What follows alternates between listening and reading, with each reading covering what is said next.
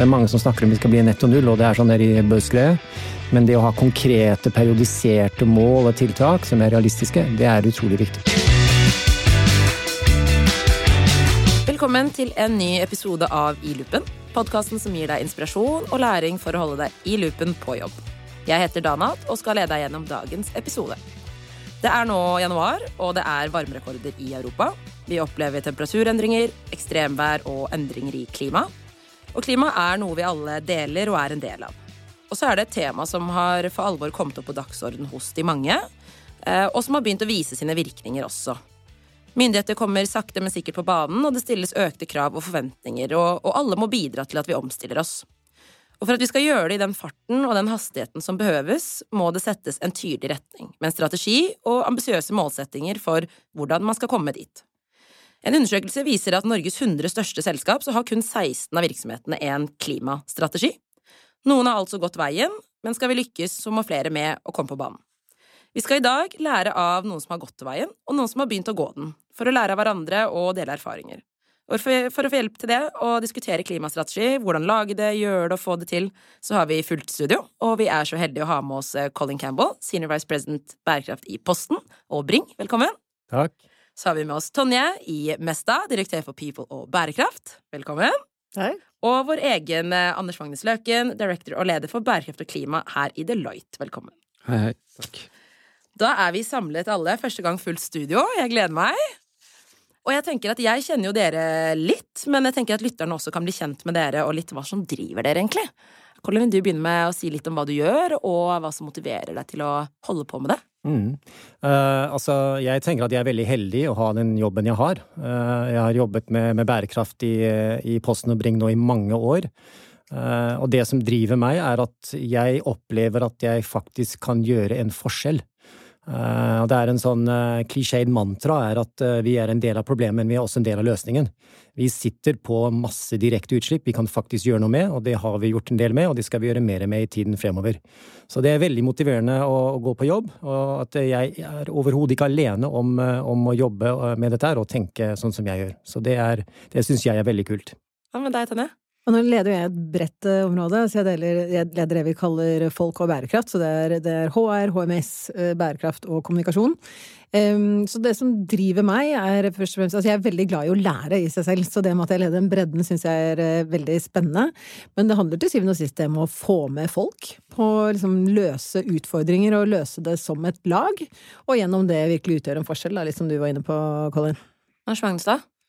Å, det er mange ting. Jeg må henge meg på det Colin sier, at jeg tror vi kan eh, Jeg ikke bare tror, jeg er helt sikker på at vi kan utgjøre en forskjell eh, med den kompetansen vi har i Deloitte. 415 000 ansatte verden over. Så har vi ganske mye muskler til å hjelpe til med den grønne omstillingen. Som i hvert fall jeg mener må til. Og så syns jeg det er veldig gøy, og det er utrolig kult å få løse kompliserte problemer sammen med kunder. Og til slutt så vil jeg si at det kanskje er en sånn personlig eh, engasjement i det òg, fordi eh, jeg vil jo gjerne fortsatt ha snø på fjellet om vinteren. Eh, og da tror jeg vi må klare å omstille oss for å få fortsette å ha det. Absolutt, og det ser vi jo nå også med mindre snø, snø på fjellet. Og, vi skal jo diskutere begreper som klima og strategi, som for noen kan være litt sånn eh, stort og åpent og oppblåst. Så jeg tenkte liksom kanskje begynne med first things first. Litt sånn definere hva legger vi i, og i hvert fall når vi snakker om det her, da. Hva betyr det for oss, da? Klima og strategi? Det kan kanskje gå til deg, Anders Lognes, først, men det er bare å hive seg på. Hva, er, hva en klimastrategi er? Det er både litt enkelt og litt vanskelig, eh, men kort sagt noen tydelige ambisjoner og konkrete mål med tydelige planer for å omstille seg til en si, klimavennlig fremtid i tråd med eh, Parisavtalen og de Parisavtalens eh, mål. Det innebærer jo egentlig i mange tilfeller en omstilling av både egen virksomhet og hvordan man driver i verdikjeden med innkjøp og hvordan man leverer varer og tjenester. Så det er ganske omfattende. Definitivt. Har mm. dere noe å legge til? Altså, nå syns jeg du oppsummerte det veldig godt, da. På en måte, for oss er det jo egentlig bare det med å eh, altså bidra til at vi reduserer den påvirkningen mest det har på, på miljø og klima, da. Mm. Vil du kanskje bare for lytterne som kanskje ikke kjenner mest, da, bare si kort om hva dere gjør, og hvordan, hvordan Hva vil det si for dere å påvirke klimaet? Ja, altså vi er jo eh, Vi er eh, Norges største Altså vi er en stor entreprenør, mm. eh, og vi drifter og vedlikeholder vei i Norge, er det vi er mest kjent for. Men vi har også mye stor andel eh, anlegg og spesialproduksjon osv. Men mange, vi er jo nå ute og brøyter vei, det er jo veldig dagsaktuelt. Mm. så det er blant annet noe av det vi har ansvar for. Eh, så for oss så er det ikke sant, i klimasammenheng Vi har jo en stor maskinpark, mm. så der har vi jo utslipp knyttet til den maskinparken. Så er det jo, driver vi også slår kantslått langs veien der det bor bier og ikke sant. Det er mange elementer ved, ved vår drift da, som mm. er relevant her. Mm. Mm. Colin, vil du legge til noe på det her? Ja, altså, jeg har lyst til å stupe inn i detaljene med en gang. Eh, og det er begreper. For det er jo sånn at for noen år siden kunne det være litt sånn eh, løs i snippen i forhold til begreper, eh, hva du brukte og hva du sa, men de dagene er forbi nå. Mm. Eh, det er delvis fordi eh, vi ser en del grønnvasking og manglende forståelse for hva dette faktisk innebærer. Så bare noe så enkelt som å snakke om klima eller klima og miljø, klima og natur, mm. dette må være presise på. Eh, for oss er det sånn nå at eh, klima er veldig viktig for oss, som en stor logistikkaktør med 13 000 ansatte og disponerer over 5000 kjøretøy. Men, eh, men, at vi også må forstå at natur og klima henger sammen. Mm. Det er veldig, veldig viktig. Men for oss, klart, klima, utslipp til luft, de syv GHG, klimagassene, det er viktig for oss. Mm. Og da kan vi jo egentlig mm, gå rett på litt sånn Hvorfor skal man ha det? Hvorfor, hvorfor har dere klimastrategier hvis man skal fra, liksom, sett utenfra? Hvorfor ha det, hvorfor har dere det? Ja, altså Jeg kan hive meg på med en gang. Altså jeg, jeg tenker at uh, dette er likestilt med hva skal vi si, forretningsstrategier, forretningsmål, hvordan vi skal uh, agere i markedet. Uh, hvordan vi jobber med klimamiljø må være like viktig, og være inkludert i de styrende systemene i en virksomhet på lik linje som alt annet, om det er en porteføljestrategi eller forretning. Um, og vår erfaring er at uh, hvis du skal, som Anders Magnus var inne på, oppnå resultater, ha mål, ha uh, tiltaksplaner osv., så, videre, så er det behov for en strategi. Og det må selvfølgelig tilpasse virksomheten, men vår erfaring er at det, det gir resultater. Og, og, dere har jo gjort dette, så er ikke, dere er ikke først i gang. Men nå skal jeg, dere er jo i gang, eh, Tonje. Hvorfor, hvorfor gjør dere det? For også, dette er jo kontinuerlig arbeid, og vi har skjedd veldig mye på dette feltet. Så det er jo et fokus vi har hatt tidligere også, satt gode mål og fulgt opp de osv. Men vi ser definitivt fordelen av alt som du var inne på. At vi blir, vi blir, mer konkret, vi tar inn over oss alle disse nye kravene som kommer. Nå er vi, vi er jo et statlig eid selskap, og nå er det nylig kommet en tydelig eierskapsmelding der på dette mm. feltet. Eh, så dette er en del av vår videreutvikling av arbeidet vårt innenfor forbi bærekraft, vil jeg si. Og så handler det jo om det med Når vi har fått satt liksom et, godt veikart, så det, kan vi kanskje komme fra det at vi har store ambisjoner, men at vi blir mer konkrete og ser hva som skal til for å levere på de ambisjonene, og at vi er sikre på at det er i tråd med Parisavtalen, og at vi er med å ta de stegene som skal til der. Mm. Fra, fra, et perspektiv hvor vi jobber med veldig mange ulike virksomheter, Anders Magnus, hva, så har det vært en utvikling også i det fra bærekraftstrategier til mer konkrete klimastrategier nå. Hva, hva tenker du, hvorfor, hvorfor, skal man ha det? Ja, det er jo helt rett. Altså, det har blitt mye mer eh, spesifikt og eh, profesjonalisert. Altså, før så kunne man lage en bærekraftstrategi, og det kunne være veldig mye forskjellig. Og nå har man jo rammeverk og begreper og metoder og verktøy man kan bruke og forholde seg til. Så det er veldig bra, for da kan man standardisere bedre og lære av hverandre, og så blir det jo mye mer troverdig også. Så den tilliten til at det man gjør faktisk eh, er reelt, er veldig viktig. Eh, og så ser vi vel kanskje det er eh, det er en to-tre triggere for dette. Altså det ene er faktisk en kostnads- eller verditrigger. Altså det er lønnsomt å kutte utslipp i veldig mange tilfeller, fordi det betyr at man sparer energi. Man sparer eksempel gå fra, så enkelt som å gå fra dieselbiler til elbiler. Det er, eh, og har vært tradisjonelt, eller historisk rimeligere, da. Mm. Så, så, det er en kostnadsbesparelse i det. Eh, og det er risikoreduserende eh, ved at man har, har, kontroll på det.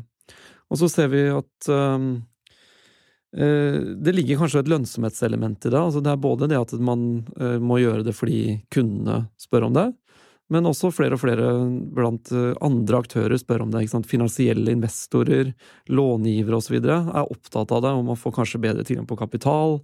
Eh, noen tilfeller kanskje også gunstigere lånevilkår, eh, hvis man er god på disse tingene.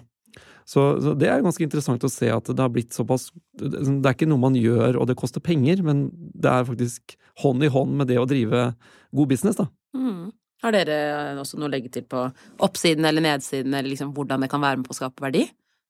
Uh, altså, vi er way beyond compliance. Mm. Det er oppsummeringen uh, på dette her. Uh, bare for å trekke fram noen eksempler på det Anders Magnus trakk fram her. Det er jo sånn at kundene våre de krever at vi presterer på dette området her. redusere utslipp i deres verdikjeder. Mm. og så i tillegg har vi eiere og en del lovkrav som kommer nå gjennom CSRD eller taksonomien, kall det hva du vil.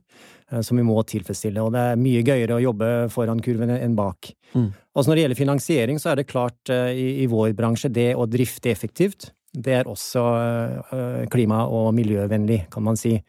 Og når det gjelder finansiering, så er det sånn at når vi ga ut grønne obligasjoner for litt over et år siden, så oppnådde vi tidenes beste lånebetingelser. Så vi sparte titalls millioner Eh, fordi vi kunne gjennom et grønt rammeverk bevise at vi har jobbet systematisk med dette over mange år, og har ambisjoner fortsatt fremover.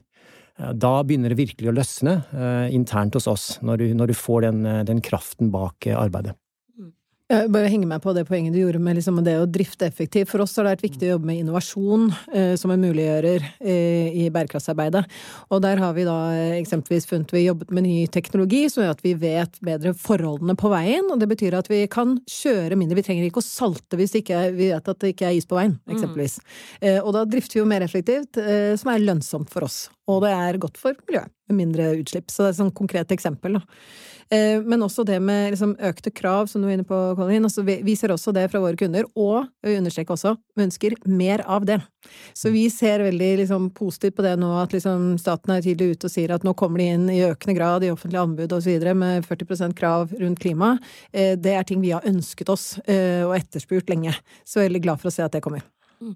Ja, og du bare på, du var litt inne på dette med, at, eh, med forretningsstrategi og klimastrategi. Da. Er det noen skilnader egentlig mellom det å ha gjort en sånn klassisk, typisk eh, strategi som man legger for virksomheten eller for, for, virk, for forretningen? Altså, jeg vil påstå at det er nokså synonymt. Eh, fordi du må forstå kunder, du må forstå konkurrenter, du må forstå hva som skjer i markedet, du må se frem i tid, du må regne, du må gjøre mange av de tingene du gjør i en vanlig strategiprosess. Så, så, vi er en integrert del av, av, våre strategiprosesser. Eh, både når forretningsstrategi skal diskuteres, så er bærekraft som en slags grønn tråd gjennom, gjennom, den prosessen, men så kjører vi også en separat prosess for å gå i dybden for hva det er vi skal gjøre innenfor dette området her. Og så vil jeg også nevne i farta er at eh, vi snakker veldig mye om klima og miljø her, men det er klart vi alle jobber med hele ESG-agendaen, ikke sant? Mm. Eh, men for oss, det som er det mest vesentlige her, er én. Eh, det er klart, men S-en er også, også betydelig eh, for oss. Altså, jeg, også, jeg er helt enig med deg at jeg tror liksom, grunnelementene i en strategi er liksom, mer eller mindre det samme. Så det liksom også, handler om liksom, hvor er vi i dag, hvor er, hva er utgangspunktet, og liksom, tror jeg om fremtiden, og hvor ligger mulighetsrommet og forretningsmulighetene i det, og så videre. Det, det, er mye av det samme. Men kanskje mer for meg, som er litt nyere inn på det feltet her enn en Colin, som er en ringrev på dette området her, er, er, litt med at det er ekstremt mange standarder vi forholder oss til, som, som trekkes inn i arbeidet. Eh, vitenskapsbaserte mål, alle disse tingene. Så, så, så det er for meg litt sånn litt annerledes, kanskje. Og det kan jo også kanskje være Nå har jo dere holdt på kanskje lenger, men litt sånn at det er også nyere trekk da, ved når man kanskje gjør en klimastrategi nå sammenlignet med tidligere, i at det er mye mer regulatorisk drevet, og man skal hensynta mye mer andre standarder, man skal hensynta flere betingelser kanskje utenfor enn det at man fikk holde på litt mer sånn som man ville selv? Det er helt riktig. Altså Før var det litt sånn uh, ildsjelsdrevet, litt sånn dugnad, uh, litt sånn særinteresse.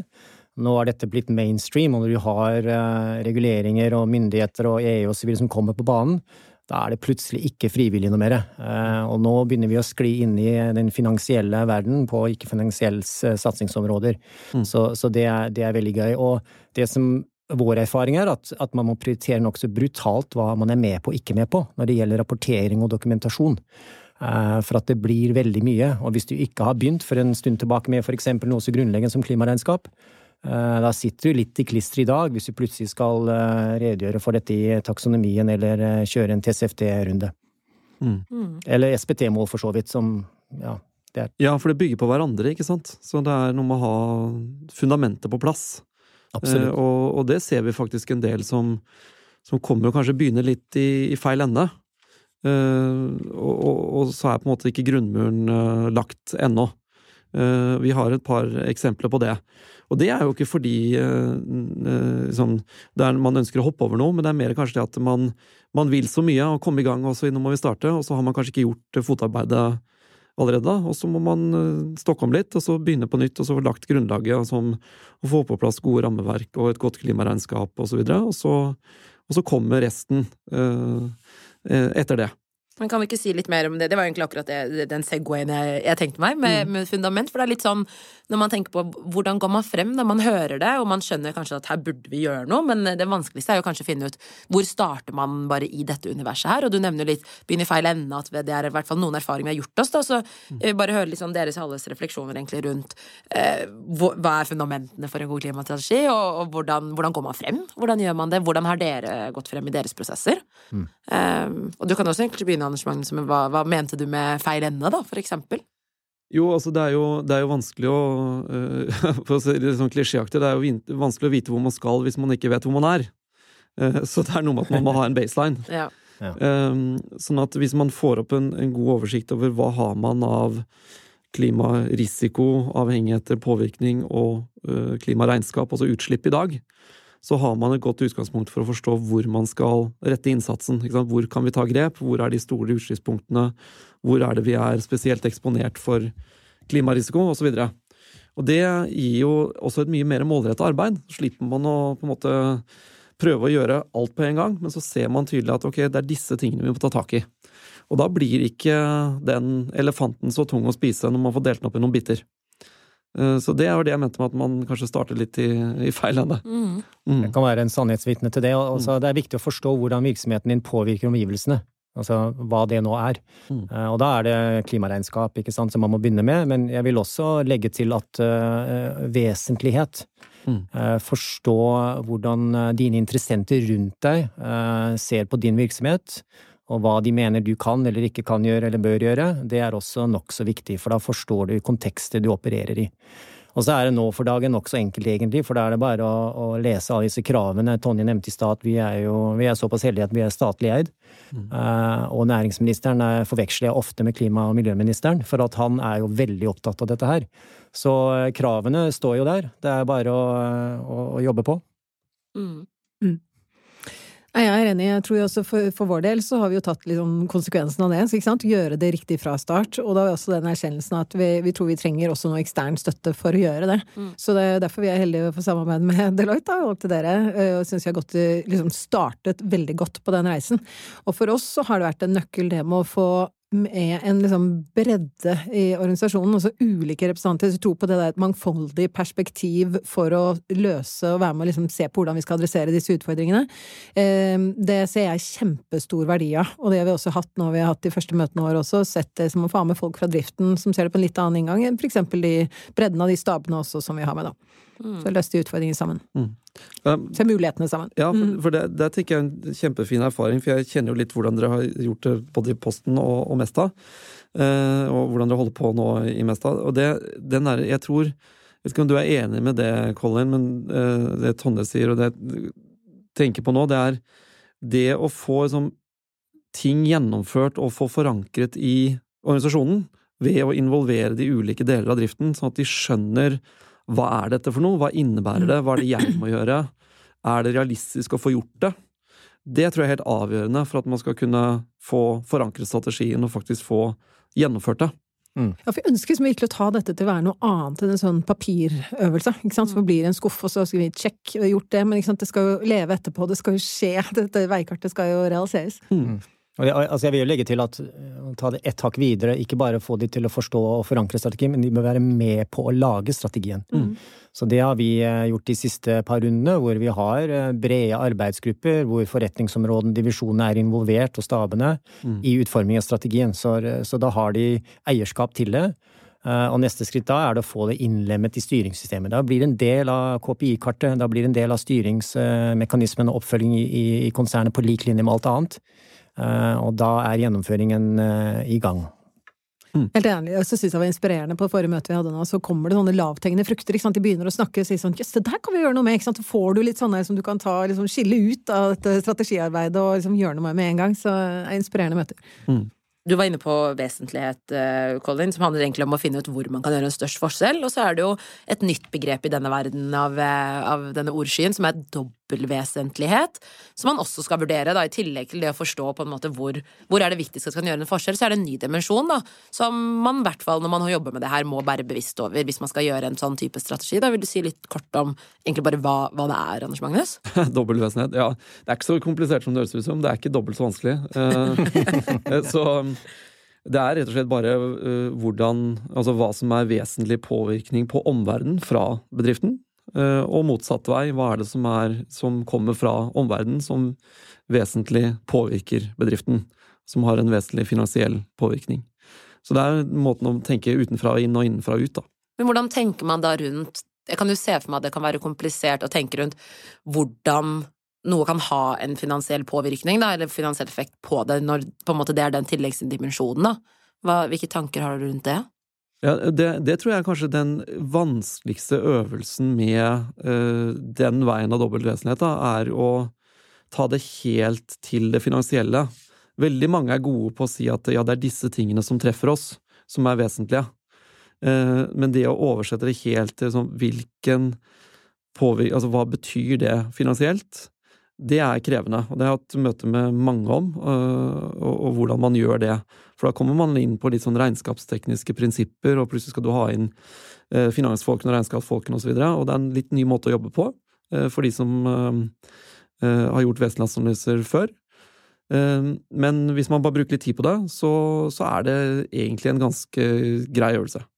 Og ikke minst viktig, da, for å kunne se også noe om hvilken effekt, og forstå det at det ikke bare er kanskje de kvalitative ordene rundt det, men liksom hvordan kvantitativ effekt det kan ha det på bunnlinjen, rett og slett. Mm. Og det er jo kanskje et Kanskje en dilemma, men en utfordring i dette arbeidet å forstå det. Men jeg ville høre litt mer om sånn Nå går dere veien, Tonje, og har begynt, og det har jo også vært en prosess bak liksom, å få til det, og, og, dere har gått veien og går fortsatt veien.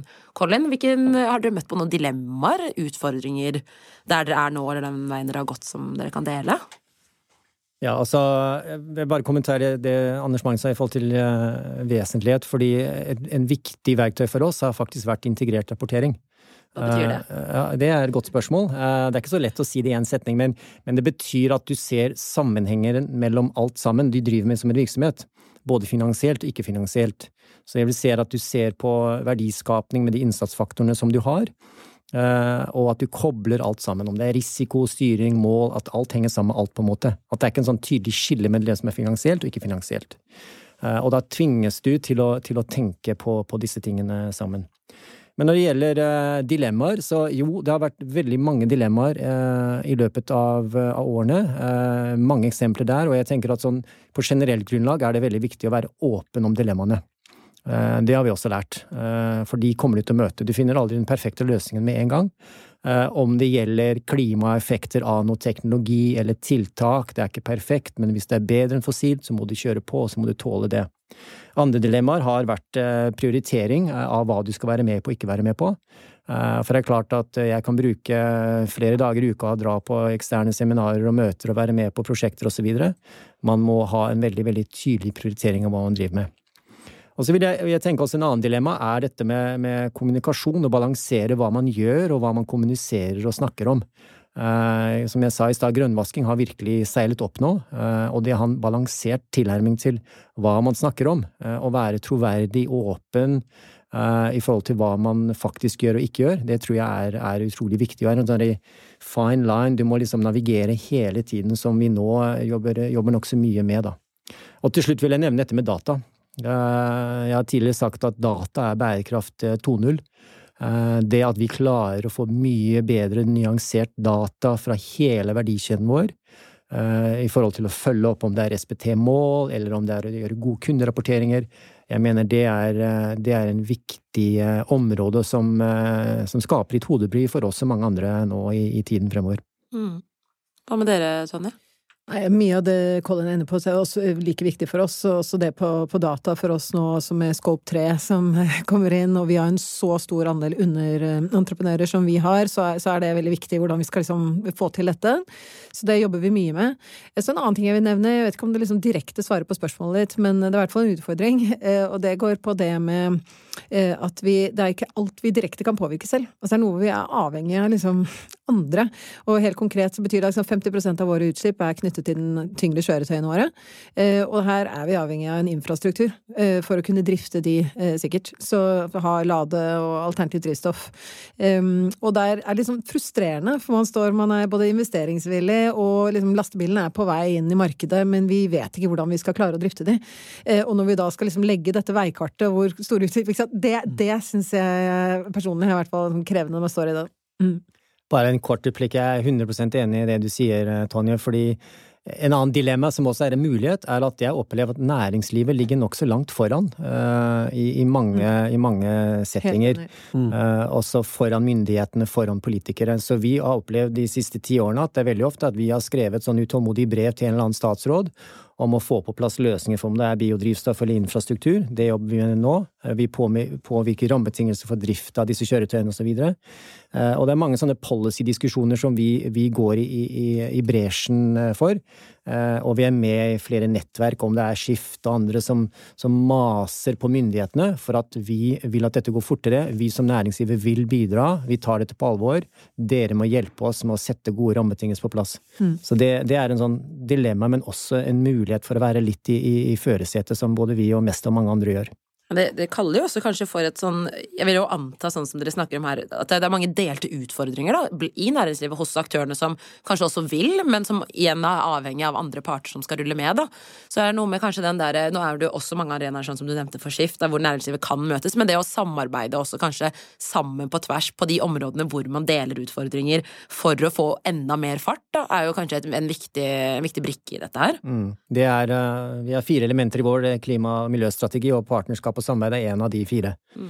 For dette klarer vi ikke å løse alene. Altså, vi må, vi må, samhandle for å få gjennomføringskraft. Så Skift er veldig, i norsk sammenheng er et veldig godt eksempel. Mm. Det er et veldig godt drevet nettverk som faktisk eh, oppnår noe og setter folk sammen. Så jeg og, og Tonje og Mesta vi sitter i en transportgruppe for å se hva vi kan gjøre sammen. Mm. Enig. Utrolig verdifullt. Mm. Og så har vi vært litt inne på um, hvis vi skal nå på en måte de ambisiøse målene som er satt globalt for hva vi skal oppnå på klima, hva som er satt nasjonalt, og særlig kanskje også hva dere møter på som statlige virksomheter fra deres eiere, da, eh, så må vi ha ganske ambisiøse målsettinger egentlig fremover for, for å nå de, og, og, det kan sies også at, ikke, at det er vanskelig å sette. Eh, og du var litt inne på i stad, Colin, med at, at dere måler, men jeg er litt nysgjerrig på å høre ja, egentlig hvordan dere gjør dette arbeidet, og, og kanskje du også kan kommentere Anders Magnus, litt på dette med vitenskapsbaserte mål. det er like intuitivt som, som navnet i seg selv, men eh, ja, jeg er litt nysgjerrig på å høre på liksom, hvordan, hvordan setter man liksom, mål da, rundt disse ambisjonene og ordene som, eh, som man snakker om. Mm. Feel free. Anyway. Ja, altså, Vi har jo en liten, liten historikk her. Vi, vi, begynte i 2009 å sette mål. Vi skal redusere x antall eh, tonn CO2 eller prosent innen sånn og sånn år.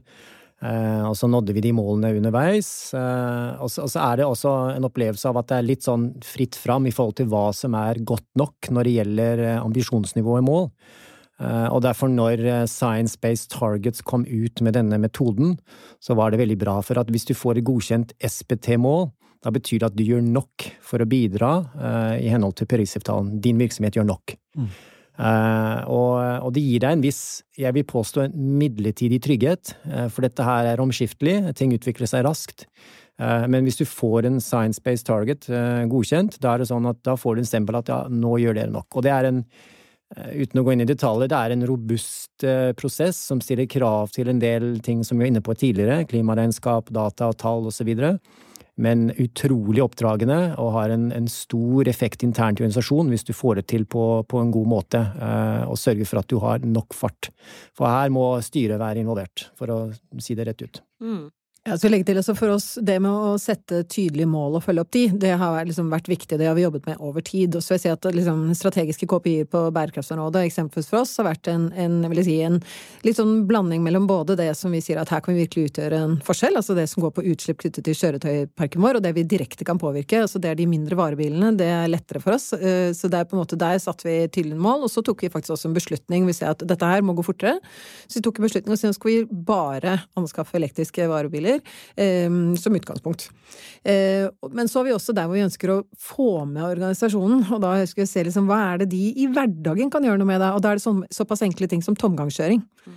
Få de til bare skru av motoren hvis du står stille, og da kan vi måle det også, og det handler jo vel så mye om at de skal få et forhold til bærekraft i hverdagen. Så da har vi hatt litt sånn ulike typer KPI-er på det. Det sagt, det er liksom reisen vi har vært på. Nå går vi jo inn med det arbeidet vi gjør nå rundt eh, klimastrategien vår, så ønsker vi også å knytte oss opp mot å ha liksom, de vitenskapsbaserte mål som utgangspunkt. Og der skal vi da sikkert jobbe mer og litt annerledes, og det er også arbeid vi da gleder oss til å se resultatene av. Jeg tror også det er en utrolig styrke å lene seg på det. Eh, fordi, som du sa, Colin, det skaper en Det er litt oppdragende. Det skaper et rammeverk som man, skal, som man ledes igjennom, da. Eh, og det er veldig nyttig i sånn måte. Eh, man trenger ikke finne opp kruttet selv. Og så er det jo igjen at det skaper en troverdighet ut også, at det man gjør er tilstrekkelig.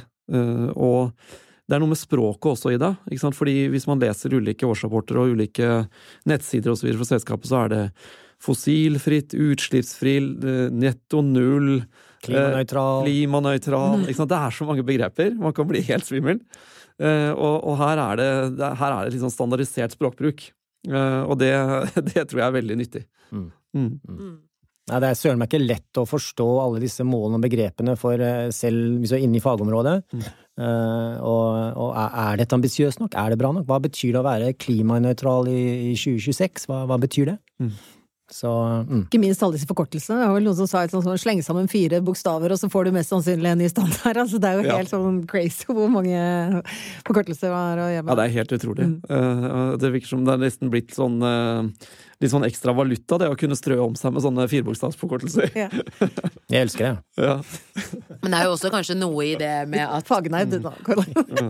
det er kanskje noe med det at jo flere som også kanskje begynner å mm. bruke det her, da så får man felles erfaringer rundt det, og felles språk. Men, men, det er jo også, ikke til å skjule, det er en omfattende prosess bare det å komme dit og skulle bli godkjent, da. For de som ikke vet det. Sånn at det er jo ikke fritt frem å bare skulle ja, nå er vi vitenskapsbaserte mål på dagen. Mm. Eh, vil du bare si kort om det, kanskje, Colin, i forhold til ja. Du tenkte på prosessen? Ja. ja altså, men før det vil jeg også si at det begynner å utkrystallisere seg en del sånne eh, hva skal vi si, retninger på disse akronymene. Altså, før var det litt sånn ok, hva skal vi satse på? Nå mm. begynner det å bli for meg i hvert fall nokså tydelig. Vi har jo dette med Science Based Target, SPT-en. Mm.